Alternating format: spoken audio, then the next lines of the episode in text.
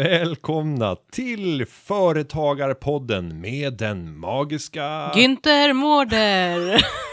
och Jenny Rosenbaum. Och den här veckan så kommer vi fokusera på det härligaste som finns i världen, bidrag. Och vi kommer att prata om det jag gillar mest, semester. Och vi tar naturligtvis upp en diskussion om RUT eller och rotfusk. Ja, visst. Och vi kommer att prata om magisk underhållning för barn. Och de sex första jobben. Och har Günther, på tal om jobb, har han fått ett nytt jobb? Och har alla svenskar drabbats av Ernst? Nu, Nu kör vi! Ja, men, den här veckan måste man ändå säga har karaktäriserats av startups, teknikbolag, återfallsförbrytare inom entreprenörsvärlden. Eh, Det har nämligen varit så att Stockholm Techfest har arrangerat så tusentals människor har samlats för att diskutera, inspireras och förhoppningsvis göra affärer, hitta partners. Är det här någonting du har märkt av? Eh, nej. Du, men nej, det har jag inte. Men, men jag tänker, det, när du pratar om det så tänker jag så här, hur många av, hur många, hur många var det som eh, deltog? Vet du det? Ja, det är ju under tre dagars tid, så vi pratar flera tusen som på olika sätt har deltagit. Men sen deltar man ju både digitalt och ibland fysiskt. Det var ju alltid från Stadshuset till Waterfront och lite blandade Och arenor. hur, och hur många av de här eh, några tusen då tror du kommer bli liksom, ja men säg inom en femårsperiod, riktigt, riktigt stora? Ja, men det vet vi ju att och det är ungefär en femtedel Mm. som kan livnära sig på sitt företagande om det är ett innovativt företagande. Jag såg en undersökning om det. Om det inte är det traditionella företagandet. Mm. Du vet, jag öppnar en restaurang eh, och jag har gjort en liten marknadsanalys och jag ser att folk behöver en restaurang här eller en, en salong för att klippa eller en matbutik. Det är ju mer traditionellt företag, kanske inte överdrivet mycket innovation eh, och de har en högre benägenhet att klara sig. Men det är en lägre topp när det gäller liksom intjäning och plötslig succé.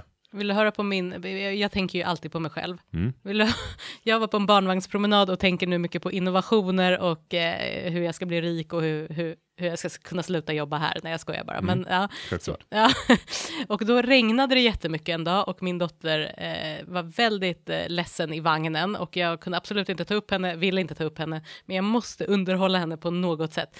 Jag går som en dåre med eh, min lilla lur eh, och håller den framåt och hon gillar just nu två sånger väldigt mycket. Det är Sean Banan, Sean den första banan, ja. Ding ding ding, här glider kingen in som eh, Ella den, sjunger. den är riktigt bra. Den är riktigt bra och jag kan nästan hela texten utan till nu, vilket jag inte är så stolt över, men det Mm. blir ju så när man lyssnar väldigt många gånger. Vi kör den som en avslutning här, en Ja, cliffhanger. nu. det gör vi absolut. Och den andra är eh, Samir, Vi ska bada nakna. Och Viktor. Och Viktor, får inte glömma Viktor. Vi ska bada, vi ska bada nakna, nakna på på Sergels. Sergels torg. Ja. Na, na, na, na, na, na, na, na. Ni vet den. Ja. De två låtarna varvas, alltså så går jag, ni, ni ser mig framför mig, det, det är hällregn, jag går med liksom handen, den är liksom utsträckt, jag blir blöt, telefonen blir blöt och min kompis är så här, tycker så synd om mig, men hon har gjort samma sak med sina barn så hon vet. Strunt samma, vi börjar prata och bara, men alltså varför finns det inte och då är man så här en iPhone-hållare, inte iPhone behöver inte vara, men en hållare till telefonen som man liksom spänner på själva räcket på barnvagnen. Och sen är det som en liksom pinne ut, alltså som typ en selfie-pinne ungefär. ja, men du kan tänka dig ungefär som här i studion Eh, ja. så har vi ett puffskydd till Ja. mikrofonerna Ja. som är böjbart, ungefär som en ormarm i metall. Ja, exakt en sån som man också kan, kunnat grymt, så man kan, liksom, barnet kan ligga, barnet kan sitta, du vet. Mm. Och sen så i den här då bara som en enkel liten plastficka eh, som man liksom lägger ner telefonen i liksom. Så att jag slipper hålla, den blir heller inte blöt och förstörd och hon kan inte trycka på någonting som gör att det här äh, Samir och Viktor slutar spela. Eh, så vi börjar liksom eh, tänka på det här och jag börjar ju gå igång och hon var så här, nej men vadå, hon heter också Jenny, men det här är min idé. Eh, jag, och jag är direkt så här, nej det här är vår idé, eh, som jag nu outar för alla. Nej men sen börjar vi prata och så här, det kanske inte var en så bra idé för att folk, man kanske inte ska uppmuntra till att barnet, jag vet Titta inte. på skärmar. Ja, förstår jag menar? Fast det är ju det folk gör, det är det här folk vill ha. Vad tror du? Jo, och det där, det finns en skiljelinje där. Eh, Ja. Vi, vi är ju väldigt generösa med skärmtid, Ja. alltså redan vid en månads ålder, så framför tvn liksom. Babblarna. Un- underhåll dig själv. Ja. Eh, Men, men jag tänker även om jag ska produktutveckla och Mm. liksom innovera utifrån en ursprungliga idé, så skulle man även kunna tänka sig att kunna spela in sig själv, där Mm. man ser väldigt vän ut och eh, väldigt omhändertagande, så finns det en bra eh, bild. Mm. Ja. Då skulle du nästan behöva en, en padda av den Ja. storleken. Den är jobbig att hänga i och för sig kanske på räcket. Nej, det, kan, det funkar. Det, går. det, det behövs Ja, bara lite starkare. Men då att kunna lämna sitt barn under längre stunder någon- när man är på stan. Där man eller- står så här, shh, Ja. shh, mamma är här, Mamma, ingen fara, ingen fara, det går bra, det Ja. går bra. Men, ja, lugn, lugnande och så, så lite musik och så mamma ser, och pappa ser väldigt väna ut. Båda står bredvid varandra och bara ser kärleksfulla ut. Jag känner Låter att du driver underbar- med min idé. Det här är någon hisspitchen är vi inne på nu här helt plötsligt. Ja. Och jag känner att, eh, ja, vi får se. Men jag har en Mm. annan idé och det är när jag går och lägger mina barn så Mm. skulle jag gärna vilja eh, ha inlästa sagor. Det finns Men ju. det finns det. Ja, det finns. Men då tänker jag så här, jag borde göra med min egen röst. Inte bara för att den är förträfflig. Åh, alltså hur narcissistiskt, så jag måste höra mig själv Nej men, för att läsa det, in. nej men för att det är en stund med mina barn. Och det är Så klart kan att det du sova betyder, under tiden. Ja, det betyder mycket mer. Då kan jag sitta och jobba samtidigt. Hemska farsa, bjuda på den här stunden. Nej, Så här, jag ska bara lägga mig lite här på sidan och så, så här, ligger, sätter i det högtalare och så ligger du med telefonen på sidan Ja, och skriver mejl. ja. Ja. Eh, Okej. nej, men jag tänker så här att, Mm. att eh, jag tror att det finns en stor marknad och det här är ett tips till alla som vill bli YouTubers för att göra just inläsningar av böcker där du helt enkelt bara fotar av boken och det här nu får någon eh, varumärkesjurist eller immaterialare korrekta mig. Du, du får göra det också. Du denna där. eh, men om jag fotar Nej. boken och bara tar bilden Ja. Och sen så sveper jag med eh, kameran. Så att säga, jag, jag gör så att det blir som en film där jag sveper över och samtidigt läser jag in texten nej men alltså nej, det kan du inte och så göra. lägger jag upp på YouTube. Det är inte ditt innehåll, det är litterära verket, inte du. Nej, du, men det är jag som läser Jo. det. du menar att du gör om det då? Ja, och jag fotar. Mm. Jag får ju fota bara, Ja. jag, bara jag anger källa. Var har jag hämtat det här ifrån? Ja, fast jag tror inte du ska lägga upp liksom texterna i... eh, Man ska se texterna då också eller? Ja, men jag, jag Mm. tänker så här att, ja men om du, om jag sjunger, ja men om jag och min kör sjunger ett Mm. verk och sen så lägger vi upp det på Mm. YouTube, så bara ja, det är någon Mm. annan som har skrivit Mm. det här, det är någon annan som har skrivit musiken, texten, eh, och vi framför Mm. det. Eh, ja, men jag Men skulle, är, det, är det här eh, någonting som du tror kommer Jo, flyga? ja, men anledningen till att jag tror att det skulle flyga, Mm. det är för att många barnfamiljer sitter och söker på Mm. just de här, så här, mors lilla Olle. Och det finns ju någon jävel som har spelat in eh, Imse Vimse Spindel, Ja. så är det en familj. Du har ju sett den också. Ja, vet. Och så är det någon familj som står på stranden tror jag. Ja. Och så visar de stora spindeln och Ja. lilla spindeln. De har ju hur många visningar som helst. Nej men du pratar om... och eh, familjen har varit extremt dedikerad. De Ja men du pratar om mycket hopp, eh, pratar om dem, hopp... eh, Ja, jag vet inte, Ja. men, men det finns ett antal Ja, sådana som har gjort och det. de som alltid har prickigt på sig typ. Kan det vara. Ja. Eh, Ja, nej, nej men alltså eh, så mycket strunt som man tittar på, alltså ibland kan Ella, när, alltså det här är ju man inte så bra förälder då som kanske inte, men så här, när någon sitter och öppnar ett Kinderägg liksom, vet du hur många visningar de ja, har? det är ju helt sjukt. Det är he- men hur kan de ha så många visningar? Är det för att, alltså, Men barn älskar, alltså den där överraskningen när någon annan öppnar galet. ett paket. eller sitter och leker med lera liksom? Nej, och det, det finns även en rysk kanal där det är en rysk kvinna som öppnar Disney-leksaker som heter Disney sinnes. Collector. Och så pratar hon. Welcome to Disney Collector. Today we're gonna release a, a package of the new uh, Frozen serie. Och sen så öppnar de Mm. Ja. paketet och det är visar helt det. otroligt. Och det kan, vara, det kan vara upp till en kvarts miljard Men jag vet, den. och det fanns en sån här just som var ett koreanskt eh, garage med olika liksom, färgglada portar eh, där man körde in bussar och sen kunde man trycka på en knapp och då liksom sjöng det en koreansk låt typ. Det är lysande. Hon älskade det här. Vet du vad John gjorde? Nej. Nej. Han sökte med lykta, ljus och lykta efter det här koreanska vintagegaraget och det har vi nu hemma hos oss och det är väldigt uppskattat och det är så roligt för att Ella sitter och sjunger den här koreanska sången, ingen aning om vad hon sjunger liksom. Det här är ju lysande. Ja, vi får du borde med- ha varit på eh, Ja, jag borde ha varit på, ja förlåt det blev en liten avstickare här men, men vi, f- ja, det var lite hisspitch, det var lite olika inslag här. Men nu Mm. ska vi gå över till det som vi alla älskar mest av allt. Ja. Bidrag. Nej, det gör vi inte. Men... Nej, men vi ska tala eh, rollen som företagare. Ibland vill man ju eh, utöka sin numerär av anställda, kanske till och med göra sin första anställd. Eh, och där finns det ju många olika stödsystem för att anställa och särskilt eh, personer som kanske har befunnit sig långt från arbetsmarknaden eller har olika typer av hinder. Det här är ofta en djungel för företagare så att min upplevelse är att eh, många inte har kunskaperna och därför så bara värjer man sig från att försöka sätta sig in i det. Så vi tänkte att vi går igenom och berättar några av karaktäristikerna, eh, karaktäristikan för de olika bidragssystemen, de vanligaste som finns på system, för, i vårt system för att anställa en medarbetare. Och så kan vi väl säga att eh, nu här i veckan så släpps eh, ett nummer av eh, Företagarna där vi eh, Företagaren, tidningen. mm, Företagaren såklart. Eh, tack Günther. Eh, Och- Och jag, jag kan lägga till att, att jag håller eventuellt på att byta namn till den. Ja, vad ska, ska den heta Företagarna? Ja, men jag tog upp frågan faktiskt med en, en medarbetare och frågade varför heter inte tidningen bara Företagarna? Alltså det, det är inte tillräckligt starkt Mm. Nej. för att bära sitt eget varumärke. Tidningen Företagaren. Eh, så det kanske blir en namnändring Ja. som vi smyger ut. Jag har ingen aning. Får jag fatta det beslutet? Kanske. Oh, Jag, spännande. jag är vd. Åh, och jag, eh, min felsägning ledde till eh, detta stora. Ja. Ja. Men tidningen kommer och där finns det just en genomgång av de här stödformerna Mm. för anställning. För det är ganska många olika ska man säga och eh, det finns, det är lätt att bli förvirrad. Men om jag bara tar huvuddragen så får Mm. du gå in i detaljer sen. Ja, visst. De som vi tänkte beröra lite grann här, det är bland annat nystartsjobb. Det är yrkesintroduktion, särskilt anställningsstöd, instegsjobb, traineejobb och lönebidrag. Alltså de som inte har stängt av nu. De... Fan, det är bara spännande. Alltså, det, det Vad var, roligt det ska bli. Ja, och det roliga är också att med den här rösten som man bara myndighetsrösten. Nu är det mycket barnsnack här, men det finns någon bok som heter så här, Kaninen som inte kunde sova. Ja, har du hört talas ja, om den? Jag fick ju den. Jag har försökt läsa Alltså, den. jag somnar Vi typ. går ner. Ja. Jag som, det, alltså, hela tanken för er som inte vet vad den här boken är, vi har den då både på engelska och svenska, och hela tanken är att man ska somna. Man ska bli astrött. Ja, och problem, och så står det så här, läs inte boken för någon som kör bil. Det är så det står Ja. eh, i bör- början av boken. Och igår skulle jag försöka mig på den här boken och jag höll ju själv på att somna medan Ella var så här, den här var skittråkig den här boken, vad, Ja, ja. vad håller du på med? Det är så här, man läser och så ska man gäspa och så börjar man ju gäspa själv och då blir man ju jättetrött.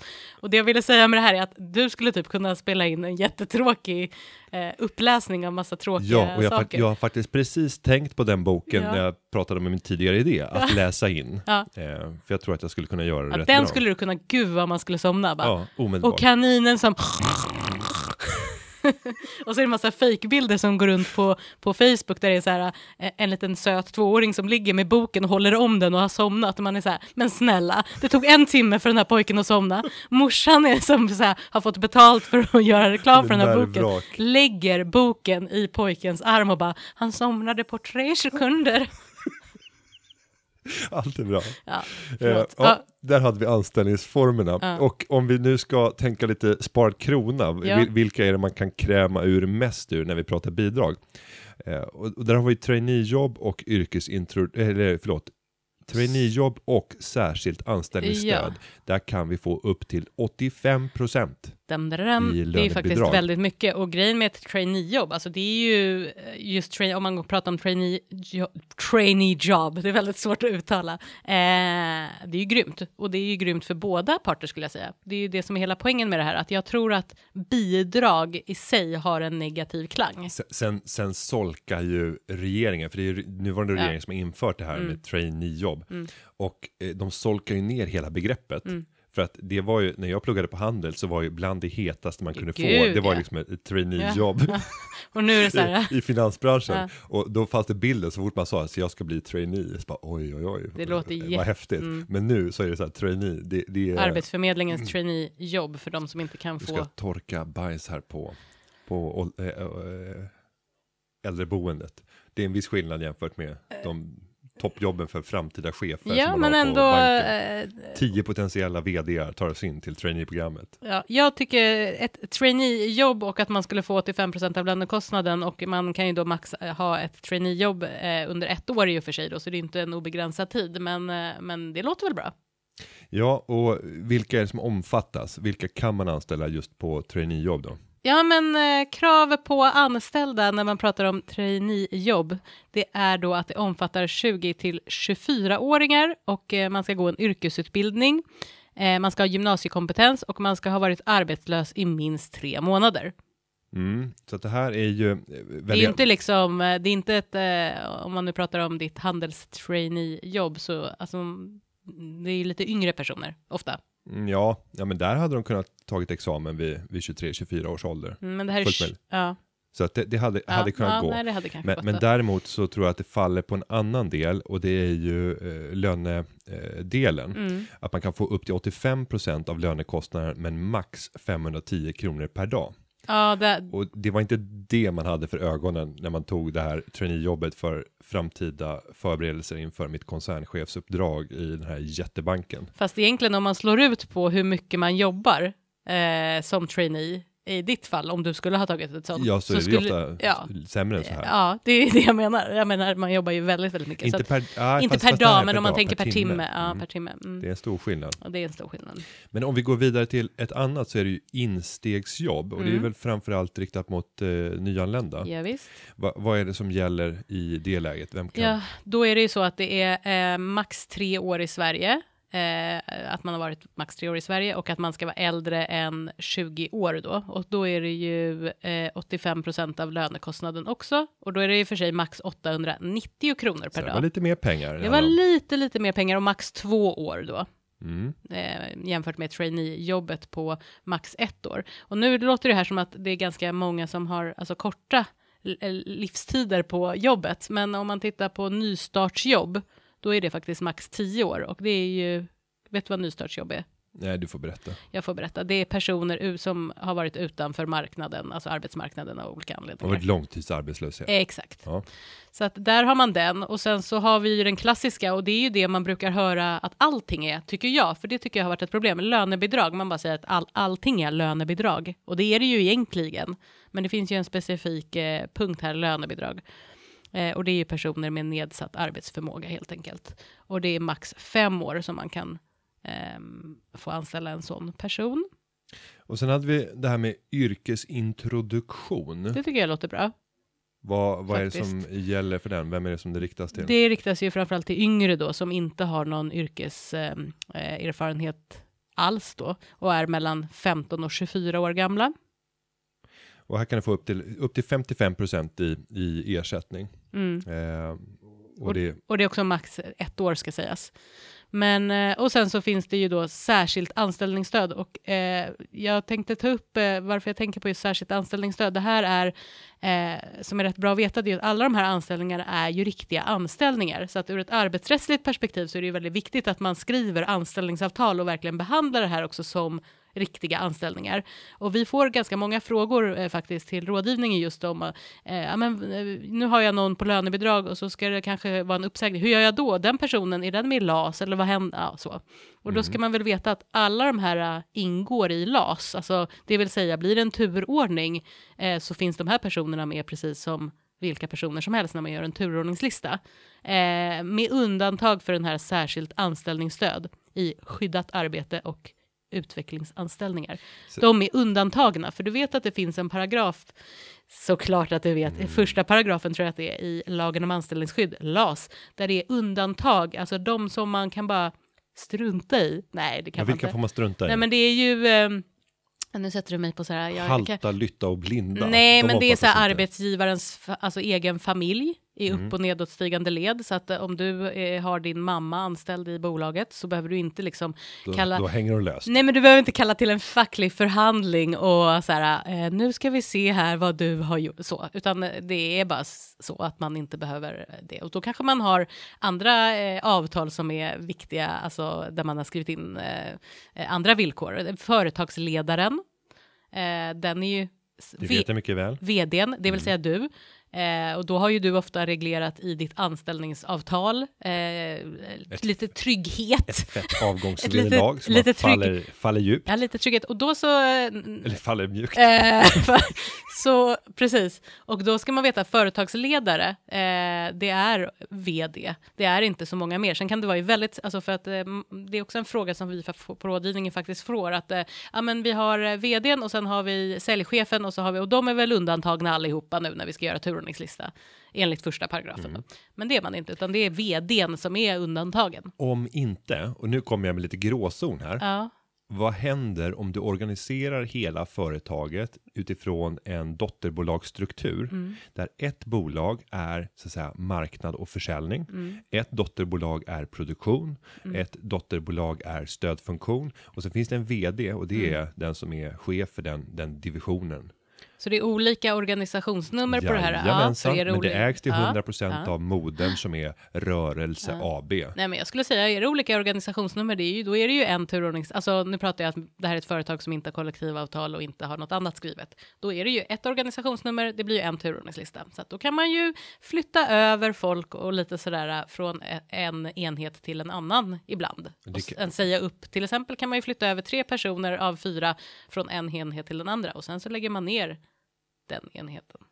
Nej, men det där kan ju vara ett litet, ett litet tips och sen så även i Ett Sver- tips vet jag inte om jag vill skriva under på, men, Nej, nej, men en eh, tanke. en tanke från tanke. Mm. Günther. Men det jag skulle komma med, för nu blev det här så liksom undantagen, det är att just den här eh, särskilt eh, eh, anställningsstöd, den är faktiskt undantagen eh, i, eh, från LAS. Men det betyder ju inte att man bara kan gå och säga upp någon såklart.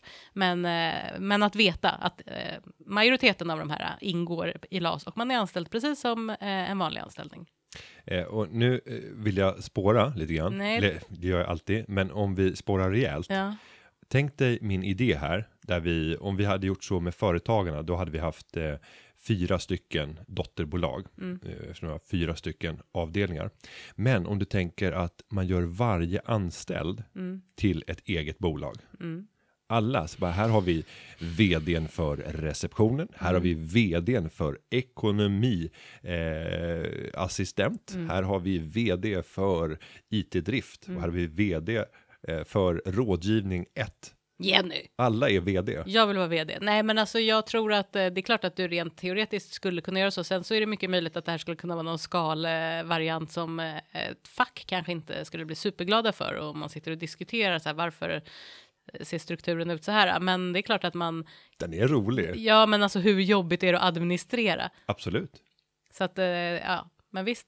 Mhm. Mm. Där fick ni någonting att tänka på mm. alla lyssnare. Ja, nej men och sen så det, det, ja, nej, Men, men om, vi ska, om vi ska gå vidare Mm. med, med de här anställningsstöden och de Mm. bidragen som finns så kan man ju också säga det att Arbetsförmedlingen Mm. står ju gärna beredda att faktiskt förklara. Mm. Eh, Så att det bästa man kan göra är förmodligen att bara ta kontakt och säga att jag har det här behovet, vad finns det för olika system? Du själv behöver inte vara den som sitter och läser in dig på alla detaljer, utan Nej. det finns hjälp och coachning och det är dessutom Ja, jag ska inte säga att det är gratis för du betalar jättehög skatt i Sverige, men det är en service som som samhället ska stå till tjänst med, alltså en Mm. guidning och vägledning kring de olika anställningsstöd som finns för dig som företagare. Sen kan det ju vara vissa krav då som eh, Arbetsförmedlingen sätter på dig som arbetsgivare eh, när det gäller försäkringar och så vidare. Ehm, för Och att, även lönenivåer Ja, i, i för- precis. relation till kollektivavtal. Exakt, för att få ta del av, eh, ja, men för att få söka om de här bidragen, Mm. ska vi säga. Men eh, vi kommer att eh, lägga ut den här eh, guiden, den snabbguiden som finns i tidningen. Mm. Så att man kan få en överblick och lite ytlig kunskap om det. Så vi lägger ut den i samband med att avsnittet, avsnittet släpps Mm. nu i veckan under hashtag Företagarpodden. Som man dessutom med fördel kan använda om man vill interagera med podden på Twitter och ställa frågor. Men det finns också andra sätt som man kan ställa frågor. Vilka är de Jenny? Oh, de är många. Nej, men man kan ställa frågor. Eh, antingen kan man ställa frågor via våran Facebook-sida. Man kan ställa frågor via Instagram. Eh, och man kan ställa frågor om man går in på frågeformuläret på eh, om man skriver företagarpodden.se. Ja, företagarpodden.se. Mm. Där finns det ett kan man- formulär. precis, där finns det ett formulär och där finns det flera olika kriterier, inte kriterier, men olika ämnen som man kan välja om man vad man vill skriva skriva för fråga vad man vill att den ska handla om. Använd hashtag företagarpodden. Företagarna. Och några som har gjort det och en som jag tänkte att vi kan eh, börja med. Det är eh, eh, Najari från Jönköping som på temat sparad krona har skickat in en fråga. Jag läser, eller du läser. Jag läser den, jag tar den. Eh, hej underbara podd. Hej, Hej, hej. hej Bullen. Jag har en fråga angående rotavdraget. Vi bor i en villa och bestämde oss för att anlita ett företag för att avloppsspola med högtryck. De sa att det skulle kosta oss en fast summa oavsett hur många avlopp som skulle spolas. 1700 kronor var fastpriset och vi frågade om rotavdraget och det var inga problem. Men sen när fakturan kom, då var det endast 123 kronor som hade dragits av och då hävdade de att rotavdraget endast gällde själva arbetet och de 700 kronor som stod för framkörningen, det var inkluderat i fast pris på fakturan och de gjorde de inget avdrag på. Är detta rätt? Mm. Du som använder dig av mycket rotavdrag, Günther. Jag gör Allt, allt du, du gör det är att du har en perm hemma där det står rot. Rotavdrag. Rot och sen har du en till perm, rut. Rut. Ja. Vad, säger, vad säger Skatteverket om eh, Ja, det här? nej, men det här är faktiskt eh, korrekt agerat av eh, företagaren. Så att tyvärr så finns det ingenting att hämta här. Sen finns det kanske mer att önska när det gäller informationsgivningen kan jag tycka Mm. från företagarens sida. Eh, men jag vill kommentera på ytterligare en sak och det är det här att de säger att oavsett hur många avlopp som skulle spolas Mm. så skulle det kosta fastpris 1700 kronor. Det låter ju helt bisarrt. Mm. Eh, hur, många, nu är, hur många avlopp kan man ha? Eh, vad är det, en villa i det här? Ja, det kan ju vara många avlopp. Ja. Alltså det är ganska stor skillnad på en vill, Ett en, ett, ett, ett, radhus Ja. på 120 kvadrat jämfört med en, eh, den pampvillan på 500 kvadrat i Djursan. Mm. Eh, och där man kanske har eh, eh, sidobyggnader, man har vagnslida och man har eh, Men de kanske sa att det var det här för att de hade Paviljonger. redan sett deras hus. De kanske visste. kanske. ja. kanske. Så att det, men det var konstigt. Ja, det det, det hade du kunnat utnyttja bättre. Sen är det lite Spola konstigt på också med 123 kronor bara. Då tänker jag att För arbetet. ja, ja. det är väldigt lite arbete. Ja, väldigt lite arbete och väldigt mycket annat. Och Mm. det kan man ju då fundera över. Vad, vad är de olika kostnaderna för ett eh, avloppsspolningsuppdrag? Jag skulle säga att det är ett ganska litet uppdrag, så en av de största kostnaderna det är faktiskt att hantera uppdraget Mm. överhuvudtaget, att bara administrera, att man ska ut på det här uppdraget. Så en ganska stor del ska fördelas till det, den typen av arbete. Och det är inte rotavdragsberättigat att sitta och förbereda, göra en offert, ha kontakt med kunden. Sen, precis som de säger, resa ut till kunden. Sen behövs det utrustning för det här. Nu är inte högtrycksanläggningen sådär överdrivet dyr, men det kan i vissa lägen beroende på nu är det ju ett privat avlopp. Eh, Hade det varit lite större offentliga avlopp så hade det förmodligen varit ganska stora grejer som man ska fram. Och då är nog kostnaden för maskin, utrustning rätt så hög. Själva arbetet som sådant, det går nog väldigt fort när man väl är på plats. Eh, Det är inte otänkbart att man skulle kunna utföra det på, på 30 minuter och så är det färdigt och kan dra vidare till nästa. Och då är det ju faktiskt bara den direkta arbetskostnaden ut, som utförs i hemmet för det här uppdraget so- som är avdragsgillt. Och i det här fallet då, eh, eftersom vi har 30% avdrag nu eh, när det gäller ROT, det var ju 50 tidigare, så indikerar det att i tid räknat så verkar det ha tagit just en halvtimme om vi ska tänka priset. Eh, för Då får man ju fråga om du verkligen har gjort det då, en halvtimme. Det låter ju väldigt lite. Ja, men, men en halvtimme från det att man faktiskt sätter igång med det arbetet. Det är ju inte framkörning, det är inte förberett. Det, det Mm. Nej, är men en fram- halvtimme om man har fem avlopp, det låter ju ändå lite. Ja, Men de skrev inte att de hade fem Nej, men avlopp. jag bara hittar på det nu. Ja. Ja. Eh, Men vet du förresten, har du någon koll på det där med statistiken med... ja, vad som har hänt. För Ja, precis. nu försämrade Nu man det ju rotavdraget. Man drog ner avdraget från 50 till 30 procent och man eh, gjorde även ändringar i, i rutavdraget då man halverade avdraget då från 50 till 25 000. Den första missuppfattningen som finns inom det här, det är att rot och rut är skilda potter. Vi har Mm. nämnt det tror jag vid någon tidigare podd, men det är samma pott. Mm.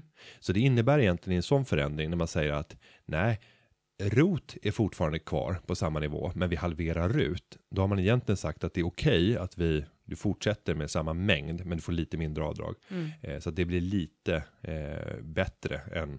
Och det, det blir ett problem när du till exempel ska göra en ombyggnad. För att ofta så kommer ju rotuppdragen i lite större stötar medan rutavdragen är mer löpande. Mm. Det är inte att man, att man har en hantverkare som kommer hem varannan vecka, fyra timmar och småfixar. Det är ju mer karaktären av rutavdrag. Om vi tänker det vanligaste städning i hemmet. Ja, fyra timmar varannan vecka är en typisk beställning. Och det gör ju att om du då gör en större renovering så kanske du bränner av hela rotutrymmet. Men då betyder det också att du har bränt av hela rututrymmet. Så det året du gjorde ombyggnaden, nej, då finns det tyvärr inte möjlighet. Då måste du köpa RUT till de skatteeffekter som det får. Och det skattesystemet som vi har byggt upp är egentligen konstruerat optimalt för att vanliga människor inte ska ha råd att köpa enkla tjänster för att frigöra tid så att de kan ägna sig åt det de är mest produktiva till. Det Det här är är inte så vi har det är konstruerat ett- det svenska systemet. Det här är ett helt, ett helt eget avsnitt. Ja, och här eldar jag upp mig. För att vi Ja. har byggt en kultur det- i Sverige av självfixare. Och vi har skapat en, en bild av att eh, självfixare är någonting eftersträvansvärt. Mm. Vi bygger upp gudar som är självfixare. Ja, men tänk dig själv.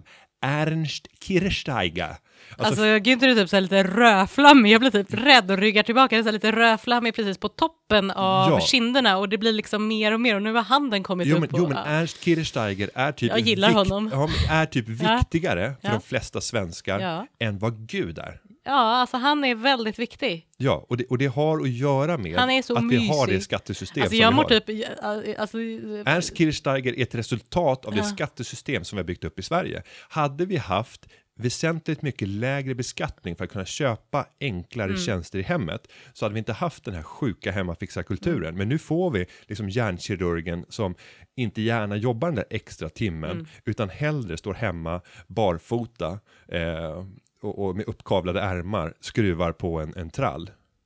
ja, Trots att personen inte är skickad överhuvudtaget att göra det. nej. Det är som när jag kolla, slog på någon av mina skitkanaler igår och var så här, okej det här kommer inte jag kolla på då, men då var det så här, eh, My dentist did my nose job. Man bara nej, det blev jättefel. Eh, ja, Ja. vi går vidare. nej, nej, men, jag håller med dig, men Ernst är ju, eh, alltså först gillade jag inte honom, först tänkte jag så här, nej men alltså han, det där, det Jag där. vill ha Martin Timell istället. Nej, gud nej. Nähä. Nej, där går gränsen. Men så här, det här är inte riktigt för mig och så här, sen bara, fasiken vad mysigt alltså. Snubben, snubben är alltid solbränd, han lagar mat, han myser, han har den här inspelningsbara rösten som man kan somna till som vi pratade om Mm. tidigare. Och han bygger otroligt fina saker. Han är händig, han är alltid glad. Och laga mat. Ja, och han är alltid glad, Filosofisk piffar, alltså, och nämnde jag han är väldigt brun. Alltså så här, han ser fräsch ut liksom. Ja. Han åldras med värdighet. jag sitter och kollar på play på nätterna, kollar på gamla säsonger. Nej, det gör jag inte. Jag, jag googlar Jag bara hört att- bilder och ja. så bara sitter jag och...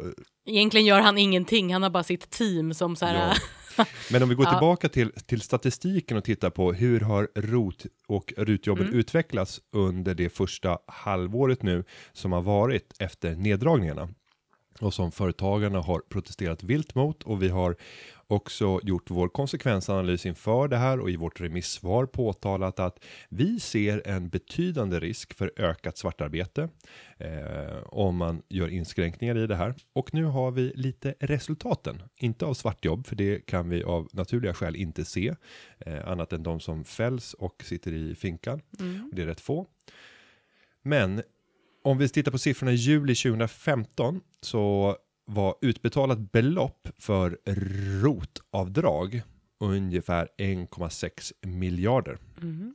Och utbetalat i juli, 2000, i juli 2016 när vi tittar på motsvarande period så var det 760 miljoner. Så det är ungefär en halvering av, eh, av utbetalningarna. Så att hälften så mycket i belopp räknat. Tittar vi på antalet personer som har nyttjat någon rottjänst så har det gått ner från 144 000 ner till 109 000. Så att det är inte lika stor nedgång där, men varje enskild order, varje enskilt jobb har varit mindre. Så att det är en, det är en väsentlig nedgång som vi ser i rotanvändandet. Och då är frågan, drabbar det här jobb? Är det färre som får jobb givet det här? Eh, och då är det så här, någon- Eller är jobben någon annanstans? är jobben någon Mm. annanstans. Och då kan man tänka, finns det någon indikator som skulle kunna ge liksom någon vägledning på, har folk slutat bygga? För det är det man Mm. kanske tror här, om, om det Mm. halveras. Eh, eller har alla blivit Ernst Kirchsteiger. Alla har förvandlats till Ernst Kirchsteiger. Nej, det låter osannolikt va? Nej, inte över ett år. Och då kan jag gå in och titta i eh, statistiken för byggvaruhandeln. Alltså hur mycket byggvaror säljs. Och där ser vi en fortsatt uppgång. Så det har fortsatt säljas mer byggmaterial. Men det är ingen som gör jobbet. Bra Vad låt. är det som händer? Det är någonting. Jag misstänker lite svartjobb. Var det det här åker- Ernst åker regeringen hem till alla. Eh, och, det, och det här, eh, det kunde man ju ganska lätt räkna Mm. Ja. ut. Så just nu så eh, skulle jag nog med bestämdhet vilja hävda att vi ser en gryende morgon för den svarta ekonomin inom byggsektorn växa sig stark åter efter att ha varit på kraftig återgång under många års tid. Trist. Ja, väldigt, man tycka. Ja, det är ganska tråkigt. Även ett svart jobb är ett jobb. Så är det ju. Vi Ja. får se vart du tar vidare vid det här. Ja. Du som ändå är vd för vår organisation. Nej, det här, Mm. det här måste åtgärdas. Och egentligen det vi behöver, alltså ROT och RUT-avdraget är ju egentligen bara ett, eh, en insikt från politikerna att vi har ett skattesystem som föder ineffektiviteter hos människor när man börjar utföra uppgifter som någon annan människa med mycket bättre resultat och hastighet hade kunnat göra åt dig. Och att du kunde frigöra mer tid att antingen jobba som den produktionsenhet som du är på eh, ditt arbete eller ditt företag och leverera högre värden än att göra de här uppgifterna som någon annan hade kunnat göra. Och med en miljon människor som skulle behöva komma in i arbetskraften, komma in i sysselsättning på något sätt, ja, då finns det flera skäl att faktiskt fundera över, borde vi göra en större skattereform för att göra det enklare att få in människor till ett första arbete? Det gjordes en kampanj här i eh, slutet av sommaren nu ska jag låta det vara osagt om det är sex eller sju. Om det var sex första jobben eller sju första jobben. Såg du den på? Mm, jag såg den på Facebook. Den är rätt bra. Ja. Alltså att alla funderar över hur såg min entré på arbetsmarknaden ut? Och, och du får fundera lite grann på hur din entré såg ut så kan jag föredra min så ska jag försöka om jag säger de sex första jobben. Eh, då började jag som eh, eh, städare på bygge. Därefter blev jag Tony Tiger på ICA. Det är jätteroligt. Ja, det var svettigt och äckligt. Eh, ett av mina kortaste jobb. Det blev några få helger. Eh, därefter så blev jag rivningsarbetare på bygge. Därefter blev jag pinnpojke på bygge. Sen jobbade jag i disk på restaurang. Och sen blev jag snickarlärling. Där har vi mina sex första jobb. Och sen efter det så blev jag egen företagare. Och misslyckades med det. Ehm, ja, så det, det är min karriär. Jenny, hur ser, och det behöver inte vara med den exaktheten, eh, men hur ungefär ser dina sex första jobb ut? Ja, eh, har jag ens haft sex jobb tänker jag? Det tror jag. Jo, men om du tänker även alltså på... barnvakt, är det ett jobb? Ja, det, det tycker jag. ja, Ja, men om jag säger Tony Tiger, Nej, vilket okej. jag var ett. Mm. ett fåtal helger, men det var ändå ett jobb och jag fick utbetalningar från Kellogg Sverige. Ja, nej, men då skulle jag säga att barnvakt kanske då var det man började med och sen så eh, höll man nog på med det ett tag och sen så jag- har jag mer varit, jag har varit så här läger, Och det var- lägerledare. Och barnvakt, det var rent eh, svart jobb. Det var väldigt eh, vitt. Självklart. Ja. Eh, sen har jag jobbat på kollo, kolloledare Mm. eh, har jag gjort. Och sen har jag jobbat i butik eh, jättemånga år. Mm. Och sen hade jag massa jobb liksom parallellt, men butik och sen så har jag jobbat som eh, sekreterare, alltså advokatsekreterare. Sen har jag jobbat som eh, sekreterare i eh, Advokater utan gränser. Mm. Mm. Och sen så jobbade jag liksom allt det här parallellt. Och du säger, har jag haft sex jobb? Och du, du bara radar ju upp jobb efter det jobb. det? Ja. ja, det tror jag. Ja, men det var så väldigt många samtidigt med det. Allting var bara liksom men- en det är, lång... så- och ja, och det är väl så, livet man- kan ja. se ut Ja. i den perioden. Det är väldigt många olika eh, jobb som man Mm. gör. Och det här visar någonstans att allas entré på arbetsmarknaden Mm. har inkluderat väldigt enkla jobb eh, och jag kan faktiskt eh, avslöja att det krävdes inte överdrivet mycket kompetens från min sida för att iträda mig eh, Tony Tiger-dräkten och Mm. stå och dela ut smakpaket av Frosties. Det behövdes inte, men jobbet, skulle- someone, someone's gonna do Någon var it. tvungen att stå där och någon var tvungen att ha den här svettiga dräkten. Och jag gjorde det med Mm. den glädje och den äran jag ville leverera. Mm. Jag har även varit inventerare. Jag kallades in i samband med inventeringar på eh, ICA-butiken i, i Sollentuna centrum. Jag har också Eh. inventerat, det var jättetråkigt. Ja, det är jätte... Men, alltså riktigt tråkigt. det- och så, det så här, det ett med en liten jobb. maskin så här, pip, pip, pip, pip. men det är ett roligt jobb om man Ja. gillar att räkna. Eh, ja, precis. Då kan man säga, nu ska jag komma upp till tusen varor och se hur mycket allt det här kostar. Och då, eh, jag kommer ihåg när vi, eh, man blir ju störd när man går runt sådär en, en hel helg och bara Mm. Jo. räknar. Och sen kommer man till M&M's i eh, lösgodis. Bara, jag måste så- äta den, måste bara smaka. Nej, men och så skriver man eh, 1435. och sen går butiksägaren och bara, vem i hela har räknat varenda M&M godis Det var jag, det var jag. Ja. Ja, så kan Ja. det vara. Eh, men, men, men det om det om rot och svaret på Najaris eh, fråga. Ja, var- Företagen har gjort rätt, men de borde ha informerat dig tydligare om vad svar. som berättade, berättigade dig till Mm. rotavdrag. Mm. Nu ska vi vidare till en fråga som har ställts av Sebastian Danielsson från Borlänge. Så här skriver han. Hallå! Finns det någon nackdel för min arbetsgivare att betala ut min semester som lön? Kollade om detta var möjligt, men det var inget de kunde göra. Om det handlade om lagtvång eller om det var företagets egen policy, det framgick inte i svaret. Så jag tänkte kolla med er om det finns några för eller nackdelar kring det här. Tack för en bra podd, ni är grymma. Tack själv Sebastian. Och då vänder jag mig givetvis till vår arbetsrättsliga gudinna Jenny Rosenbaum. Ja. Vad gäller?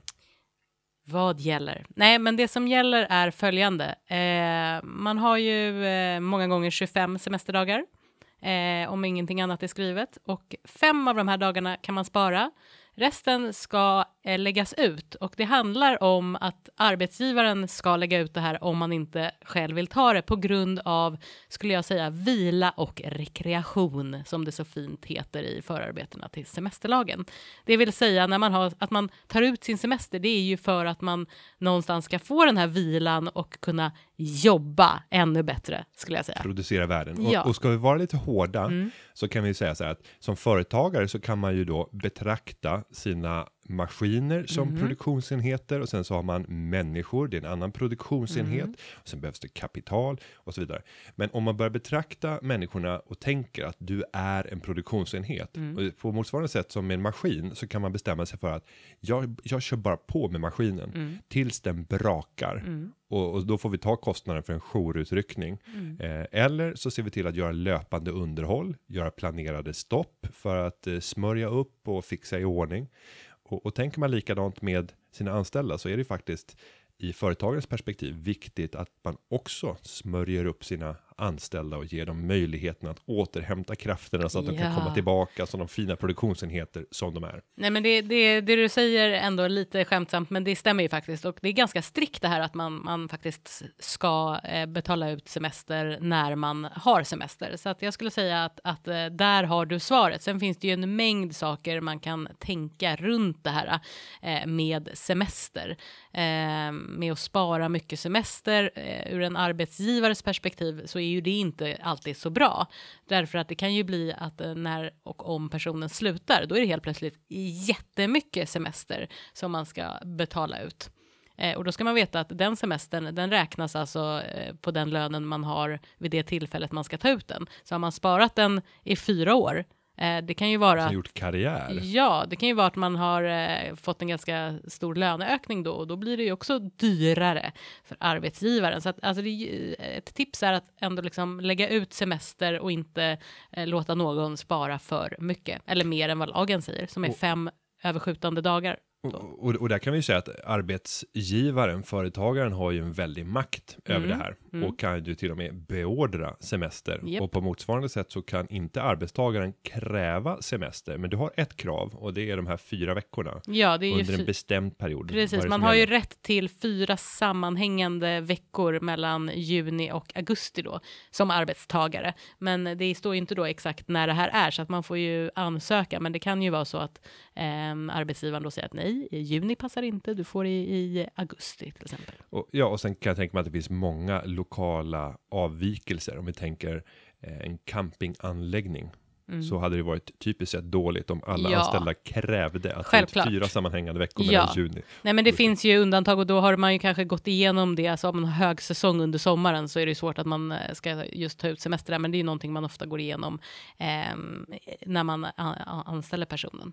Men, men just det här som du nämnde om att när semester utbetalas så baseras det på den lön som du har idag. Mm. Men det skulle kunna vara intjänat semester från långt tidigare. Mm.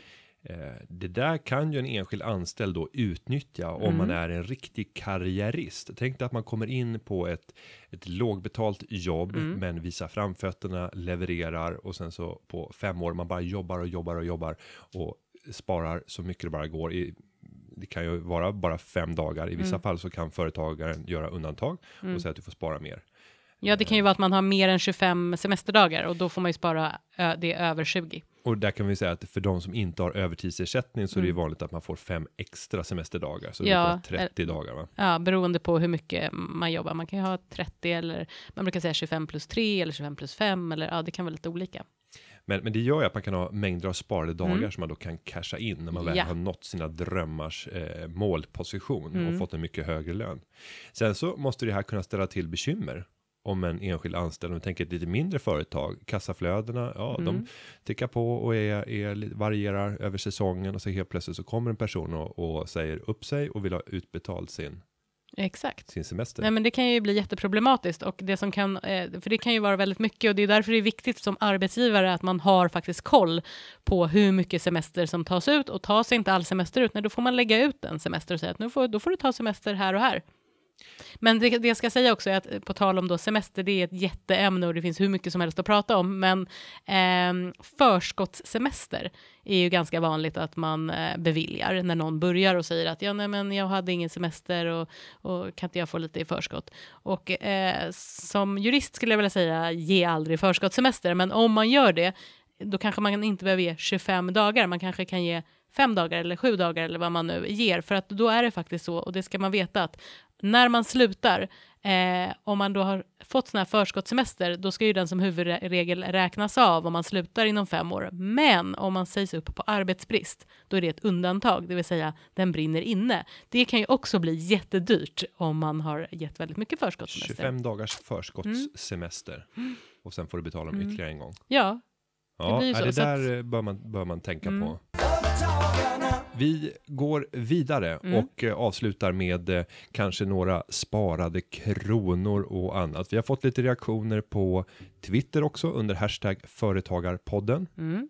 Vi har fått eh, en liten eh, tweet här att välja lycka.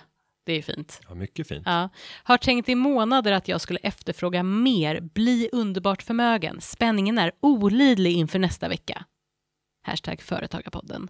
Ja. vad säger vi om det? Har vi uppfyllt eh, hans eh, önskan i det här programmet? Kanske inte. Det har Nej. inte varit jättemycket underbart förmögen. Men hör och häpna. Mm. I helgen så gjorde jag en inspelning eh, på Facebook live. Så Mm. den som följer min Facebook-profil, Günther Mårder, Klart vi gör. ja, alla gör det.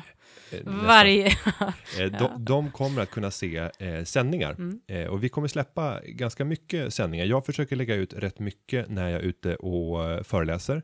Nu i veckan när det här släpps så kommer det även finnas ett avsnitt om Sverige, svensk ekonomi. Hur går det i, med avseende på investeringar och eh, företagande?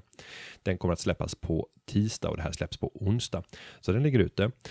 Om man vill ta del av de här sändningarna så är det bara att följa företagarnas profiler och även om man vill följa mina privata föreläsningar eller när jag är ute och håller föreläsningar så följer, följer man med företrädesvis eh, mig på Facebook eller på Periscope och eh, sen gör jag även sändningar på YouTube.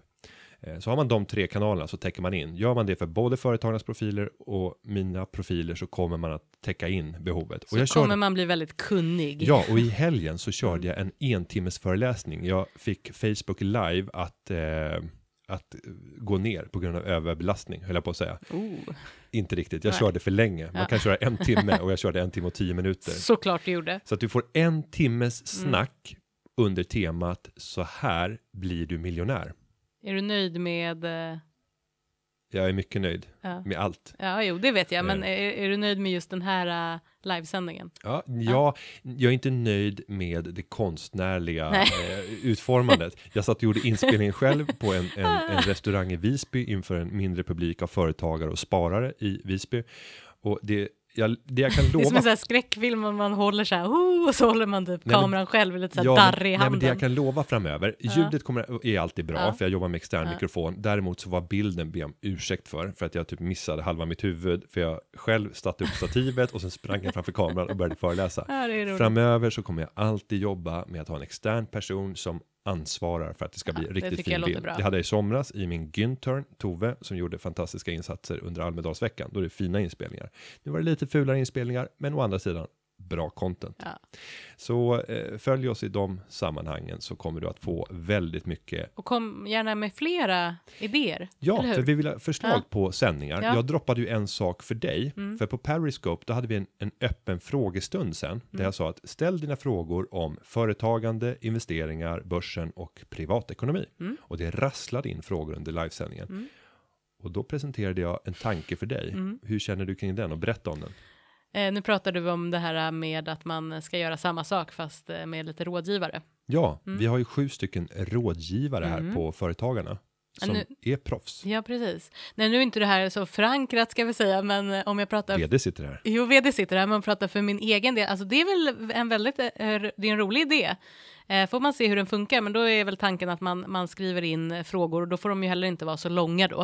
Eh, hur många tecken hade du som max? Eh, Jag tror att det är 140 Ja, 100 tecken och så. ja. Så det blir lite korta koncisa frågor. Ja, korta koncisa frågor eh, jurid, av juridisk karaktär och sen så eh, får vi ha hela vårt team där och så att man får svara på den fråga man själv är specialist på. Mm. Det tycker jag låter spännande. Eh, och jag tänkte även att vi, vi ska kommentera några andra. Du har fått lite, lite ris. Va? Mm. Eh, det är Fregatt på Twitter som eh, skriver så här. Mm. Vadå inte bjuder på bananer i Skåne? Skärpning Jenny, jag är från Stockholm, Rosenbaum, smiley med Ah. blink. Älskar det. Eh, och så visar han en bild på en enorm mängd av gamla bruna bananer Som man med, kan få. med en apa som ser inbjudande och generös ut. Okej. Som, bilden verkar vara tagen i Skåne, Ja. så det förekommer även bjudbananer i Skåne. Okej. Så shame on you. Nej, men då vill jag, som alltid har någonting att säga som svar på, på allt som sägs till mig. Eh, toppen i Höllviken, där får man i alla fall inga bananer. Men det är mycket möjligt att man får det på andra ställen i Skåne och då ber jag om ursäkt. Det är bra. Mm. Eh, Helene Svensson har på Twitter skrivit lyssnar alla avsnitt av Företagarpodden på promenader, märker att jag ofta skrattar för mig själv när ni gör era utsvävningar. Och det här avsnittet bjuder ju verkligen på sådana, så jag hoppas på ytterligare skratt från Helens eh, sida. Härligt. Och sen en eh, avslutande del. Börje Granberg har gått, jag vet inte om, om han tycker att det är bra eller inte, extra mycket skitsnack i senaste Företagarpodden. Han, han får återkomma, det kan ju vara positivt. Ja, ut, utan någon eh, glad gubbe, smiley Bara eller punkt. applåder. Nej, det punkt, nej eller? inte Nej. ens punkt, utan Nej. bara hashtag Företagarpodden, ingenting mer. Eh, jag får en känsla av att det inte är helt positivt, men det är önskvärt att återkomma för vidare information. Börje Granberg, Ja. säg vad du tycker. Eh, Han sa precis vad han tyckte, men det var oklart. extra mycket skitsnack. Men det var oklart betoningen. Gillar han extra, Exakt. extra, extra allt. Mm. Eh, lite avslutande Mm. sparad krona. Jag såg en, en underbar sparad krona eh, och det var någon som frågade mig, har du flyttat till lägenhet Günther? Och sen så visade de en bild på en lägenhetsdörr där de hade dragit ut en eh, förlängningskabel Mm. för att utanför dörren så fanns det ett eluttag i trapphuset och det här var förmodligen en hyresrätt då. Mm. Eh, och där de hade kopplat in uttaget och förmodligen in i lägenheten så var det en full grenkontakt och så bara ett spindelnät av saker som gick ut för att få gratis el. Möjligtvis så hade den här personen även eh, erbjöd servicen batteriladdning Ja, det är väldigt till roligt. specialpris. Eh, och då var det någon som skrev, det här är äkta entreprenörskap. Eh, och jag skulle vända mig mot det och säga att entreprenörskap eh, handlar väldigt sällan om att man ska se till möjligheter hur man kan sko sig på andra genom olagligt agerande. Eh, och låta andra, i det här fallet då hyresvärden och indirekt de Stå andra kostnaden. hyresgästerna, stå kostnaderna för någonting som du egentligen borde bära. För mig, mm, Sen också, mm, farligt ur ett, sen också farligt ur ett perspektiv, tänker jag, försäkringsmässigt. Alltså det är så här mörkt i trappuppgången och så, så här snavar man på de här. Ja, Jag tänker även Ja. brandmässigt. Eh, vad, är f- alltså riskerna med att ha Mm. massor med grenkontakter och förlängningskablar för att sen koppla på hela lägenheten på ett enda uttag. Ja, det känns Eh, sådär. Oangelägenheterna som kan drabbas när, när proppen går.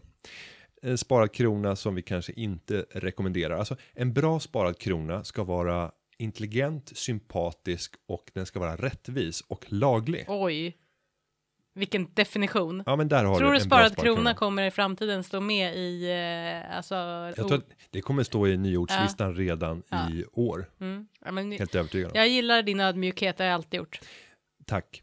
Fortsätt bjud på sparad krona på Twitter och på Instagram. Hashtag sparad krona. Det fortsätter att flöda med bra inlägg och inspiration för att ta tag i sin privatekonomiska vardag. Med Men, det, med det jag, men jag skulle vilja, jag vill göra avslutet nu Ja, och jag vill att du hänger på mig. ja. Jag skulle vilja göra avslutet Jag har ju lovat med, någonting. ja, det är en dingading. Så Och då börjar vi med att säga att den här podcasten har klippts av Gustav Dalesjö. Och vi kör Dinga ding ding ding, här glider kingen in. Dinga dinga ding ding ding, här glider kingen in. Ja, jag behöver köra den där lite mer. Ja, vi får öva. Ja, vi bjuder på Företagarna, varsågoda. hej så länge. Hej, hej. Vi hörs nästa vecka. Det gör vi. Ding, här glider kingen in.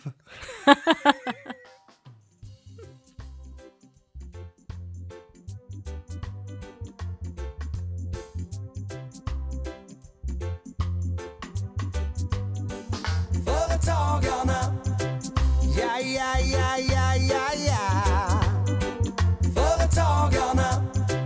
Ja, ja, ja, ja, ja, ja.